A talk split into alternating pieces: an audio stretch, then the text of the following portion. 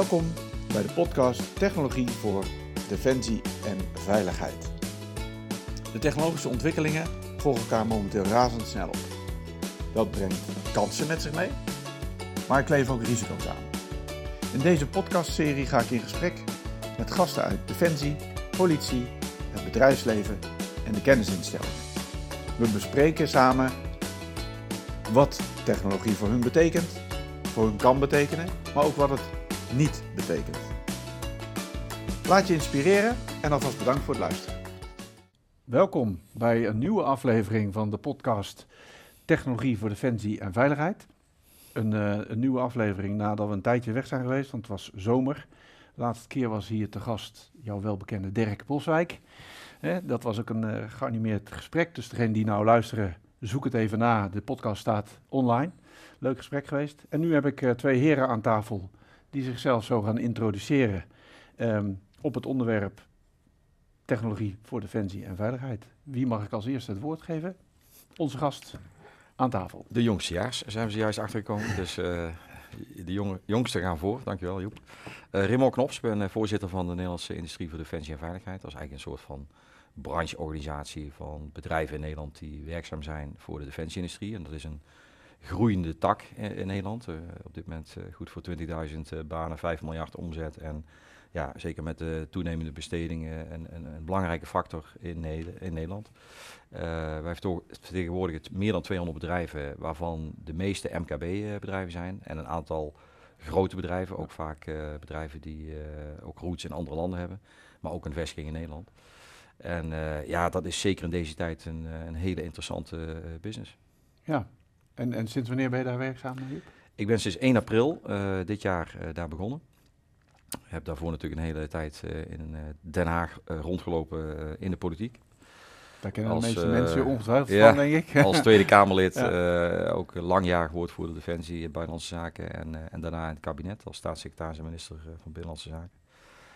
Maar inmiddels uit de politiek en toch weer niet helemaal, omdat ik natuurlijk, ja, een van mijn belangrijkste taken is als voorzitter van het bestuur om ervoor te zorgen dat uh, ja, de aandacht voor defensieindustrie, de Nederlandse defensieindustrie, dat die hoog op de agenda blijft in politiek Den Haag.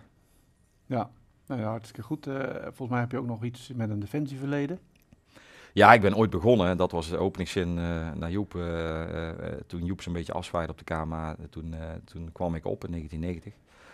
Als cadet bij de luchtmacht, Koninklijke Luchtmacht.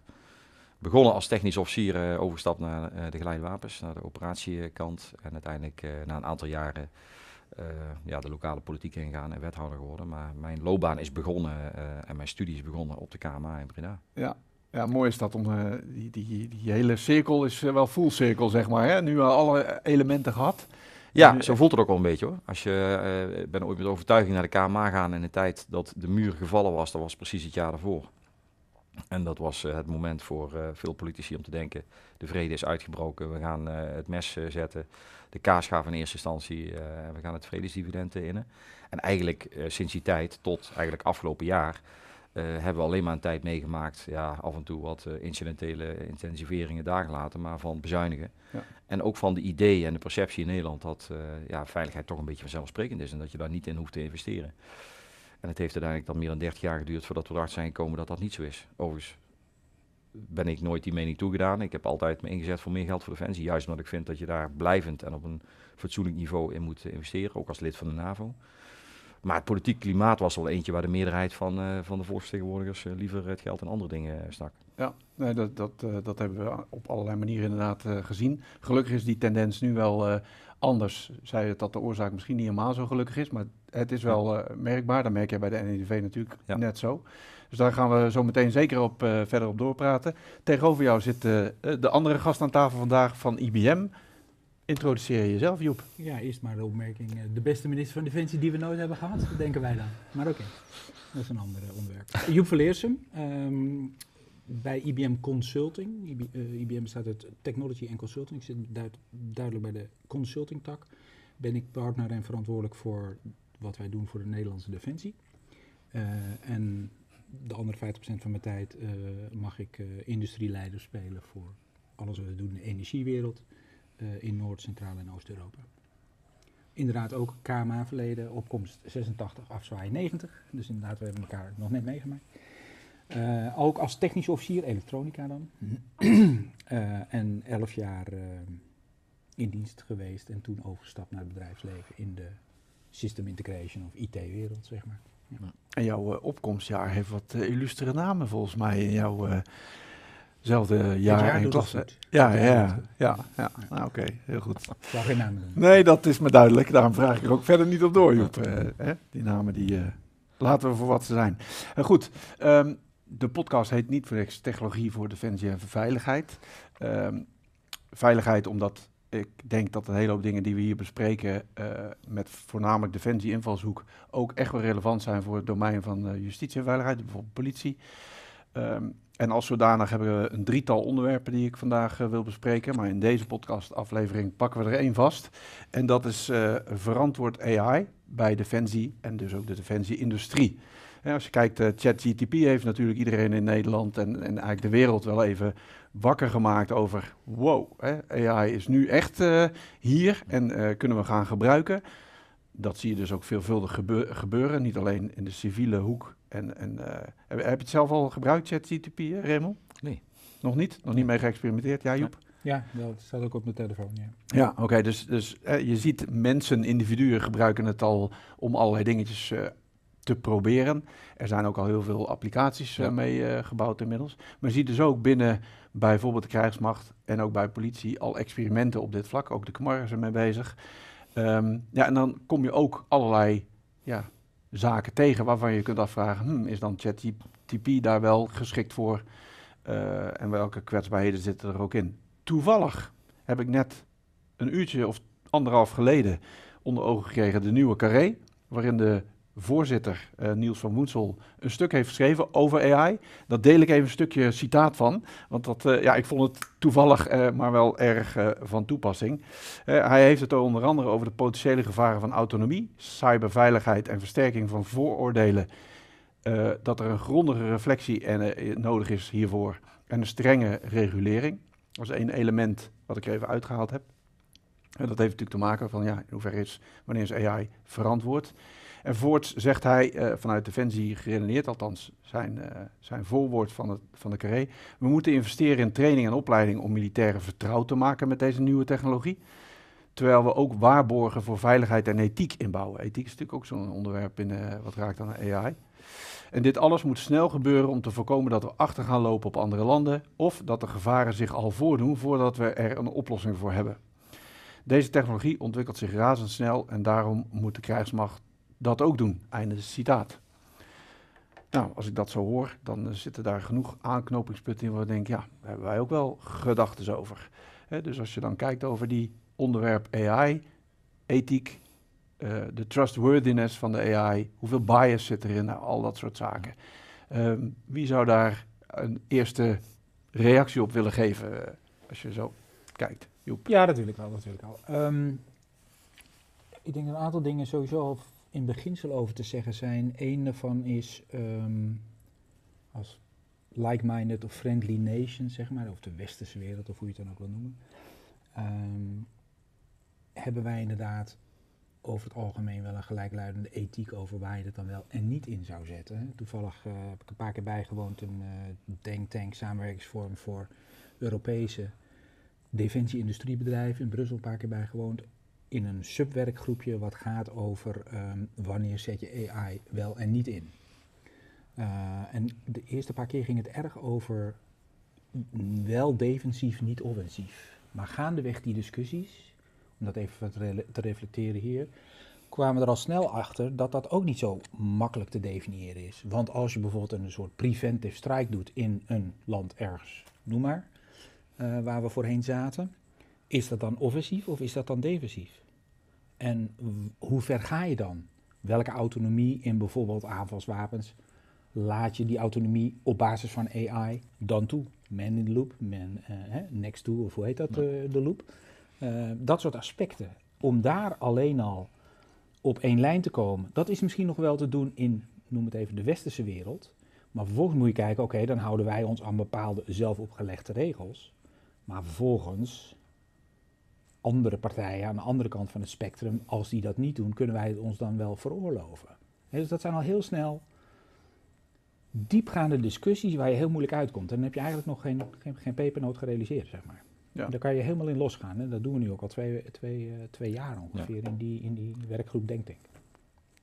Ja, want je ziet inderdaad dat eh, het is een redelijk heet hangijzer. Hè? De, de mogelijkheden van AI, maar met name is het koppeld aan ethiek. Hè? Eh, zo mogelijk is dat hangijzer er ook als er geen AI in het spel is. Hè? Want dan zijn we zelf eh, in die be- besluitvormende loop bezig en daar speelt ethische afweging natuurlijk net zo'n rol. Maar binnen AI ook. Er zitten allerlei haakjes en ogen aan. Hoe zie jij dat? Wat krijg jij terug vanuit... eh, Ja, ik ben dus geen expert op eh, chat eh, GTP, eh, Mhm. maar heb natuurlijk wel in mijn vorige periode in het kabinet ook vooral bezig gehouden met de digitale overheid. En dan komen dat soort vraagstukken ook. En ik herken wat Joep zegt, dat ook in Europa daar een discussie over gevoerd wordt. Ik ben zelf altijd een beetje eh, terughoudend om meteen daar hele strakke conclusies aan te verbinden, omdat ja, ethiek is eh, in zekere zin, dat is een prachtig containerbegrip, maar is ook weer afhankelijk van de tijd waarin je het ziet. Hè? Dus, eh, dus de vraag is even of de generaties na ons, de manier waarop wij nu dat nieuwe, die nieuwe technologie beoordelen, op dezelfde manier zullen beoordelen als wij dat nu doen. Dat weet je niet. Nee. Ethiek is niet statisch, is ook dynamisch in zekere zin. Denk alleen maar even aan de manier waarop zeg maar, in Nederlands-Indië eh, geopereerd is en hoe daar nu eh, eh, naar gekeken wordt. Ja. Alsof het gisteren gebeurd is. Ook heel bijzonder. Maar dat zie je dus ook, misschien niet helemaal een, een juiste vergelijking, maar wel om even aan te geven dat, dat we moeten oppassen om heel snel eh, jumping eh, to conclusions te gaan als het gaat om wat kan wel en wat kan niet. En ik ben het helemaal met Joep eens.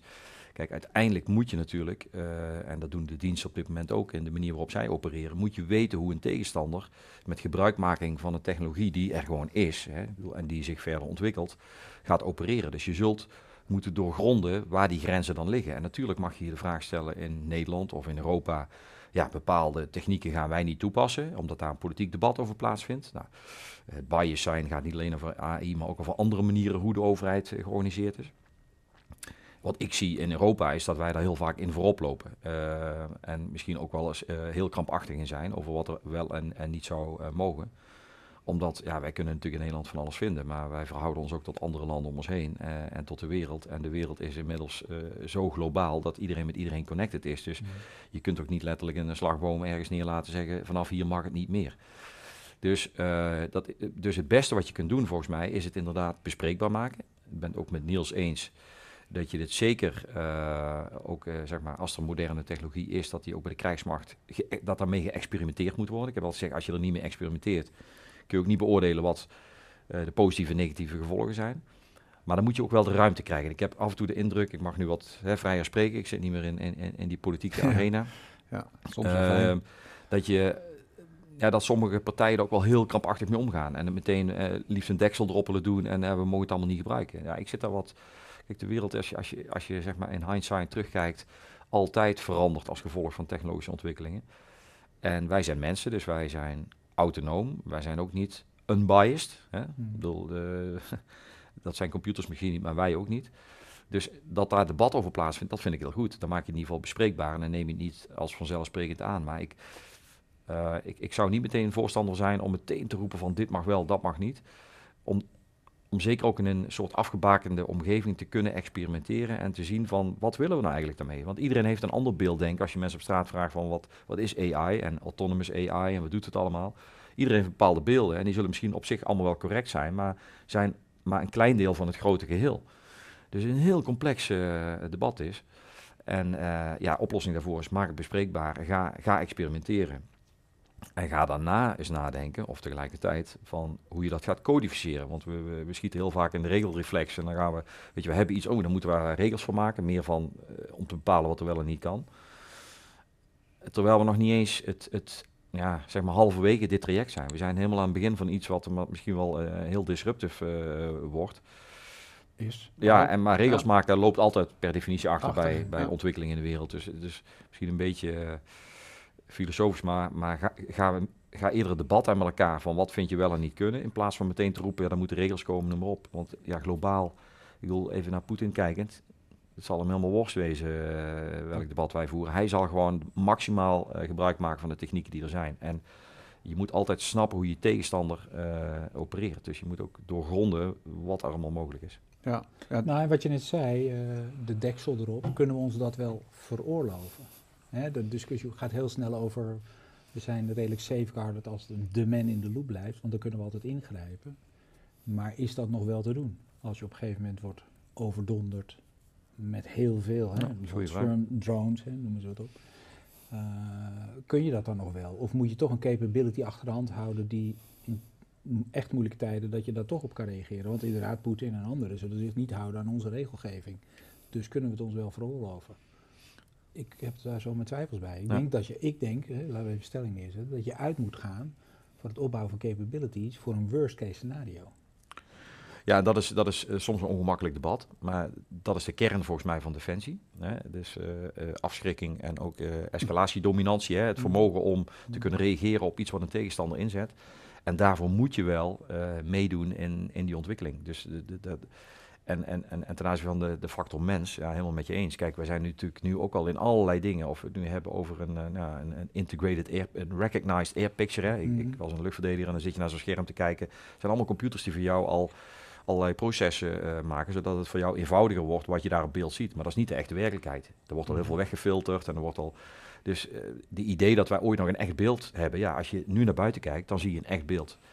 Als je op je head-up display van je auto, wat tegenwoordig iedereen heeft, kijkt, dat is ook al uh, op basis van allerlei informatie, worden ook dingen uit, uit weggehaald en zo. Dus uh, ik, vind hem, ik, ik, vind ook het idee dat de mens, uh, of de menselijke factor, uh, unbiased zou zijn. Of dat, dat dat de ultieme autonomie zou zijn. of dat je dat überhaupt nog zou kunnen handelen als je zoveel data op je afkrijgt.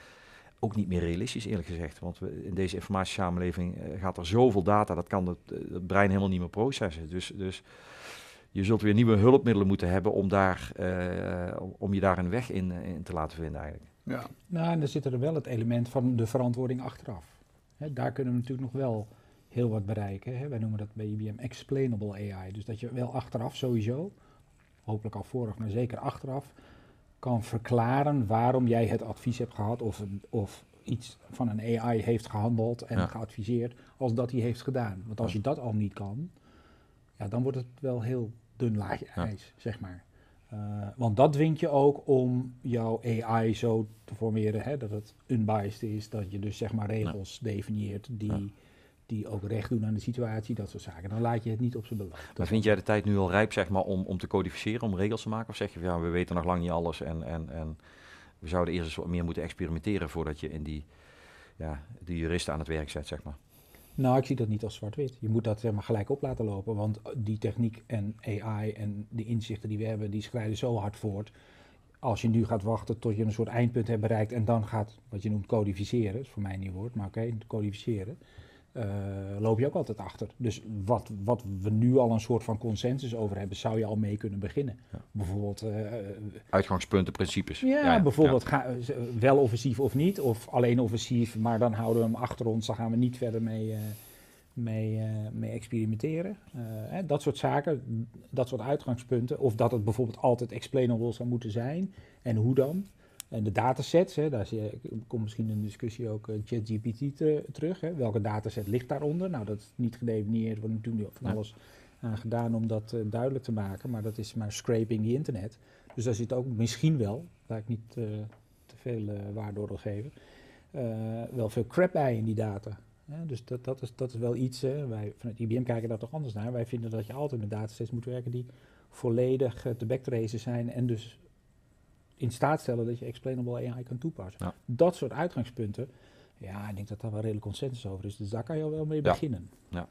Maar dan blijft er nog heel veel over wat, zeg maar, niet ontgonnen is of wat nog ja, verder ontdekt en ontwikkeld moet worden. En, en, en in die zin pleit ik wel voor een beetje ontspanning ten aanzien van dat punt. Dus waar je het over eens bent kun je vastleggen, maar het is ook een soort, soort krampachtigheid die ik wel eens aantref uh, van we moeten dat meteen mm. zeg maar, te containen met wetgeving. Dat zijn twee totaal verschillende grootheden. Ik wil, je mag natuurlijk een discussie voeren over je principes en je uitgangspunten. Dat is overigens ook wat nu gebeurt, hè, ook in, op Europees niveau. Dat, dat, denk ik dat heel goed is. Ook, moet je ook vooral niet op Nederlands niveau alleen doen, maar probeer dat zo snel mogelijk uh, op Europees niveau te doen.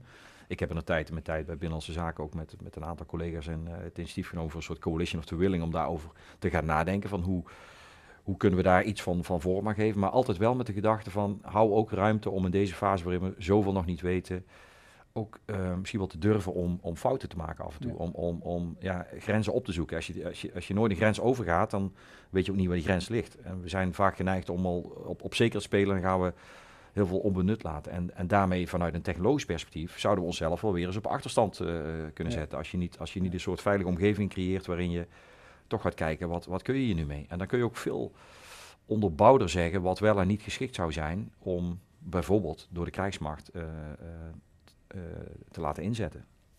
Ja, je hebt ook natuurlijk te maken, hè, ik weet niet of je daar helemaal op doelt, maar eh, wetgeving. Hè, de krijgsmacht zou, als je het hebt over offensief of defensief zelfs, maar in expeditionaire zin. Dus wanneer er missies zijn, en zelfs in het ondenkbare geval dat er in Nederland ook iets aan de knikker zou zijn, dan zou je als krijgsmacht AI en allerlei andere analyse tools willen kunnen loslaten op een hele brede dataset. Hè? Maar ja, wetgeving staat dat misschien niet altijd toe. Verband met privacy of wat. Nou, die wetgeving is min of meer in beweging.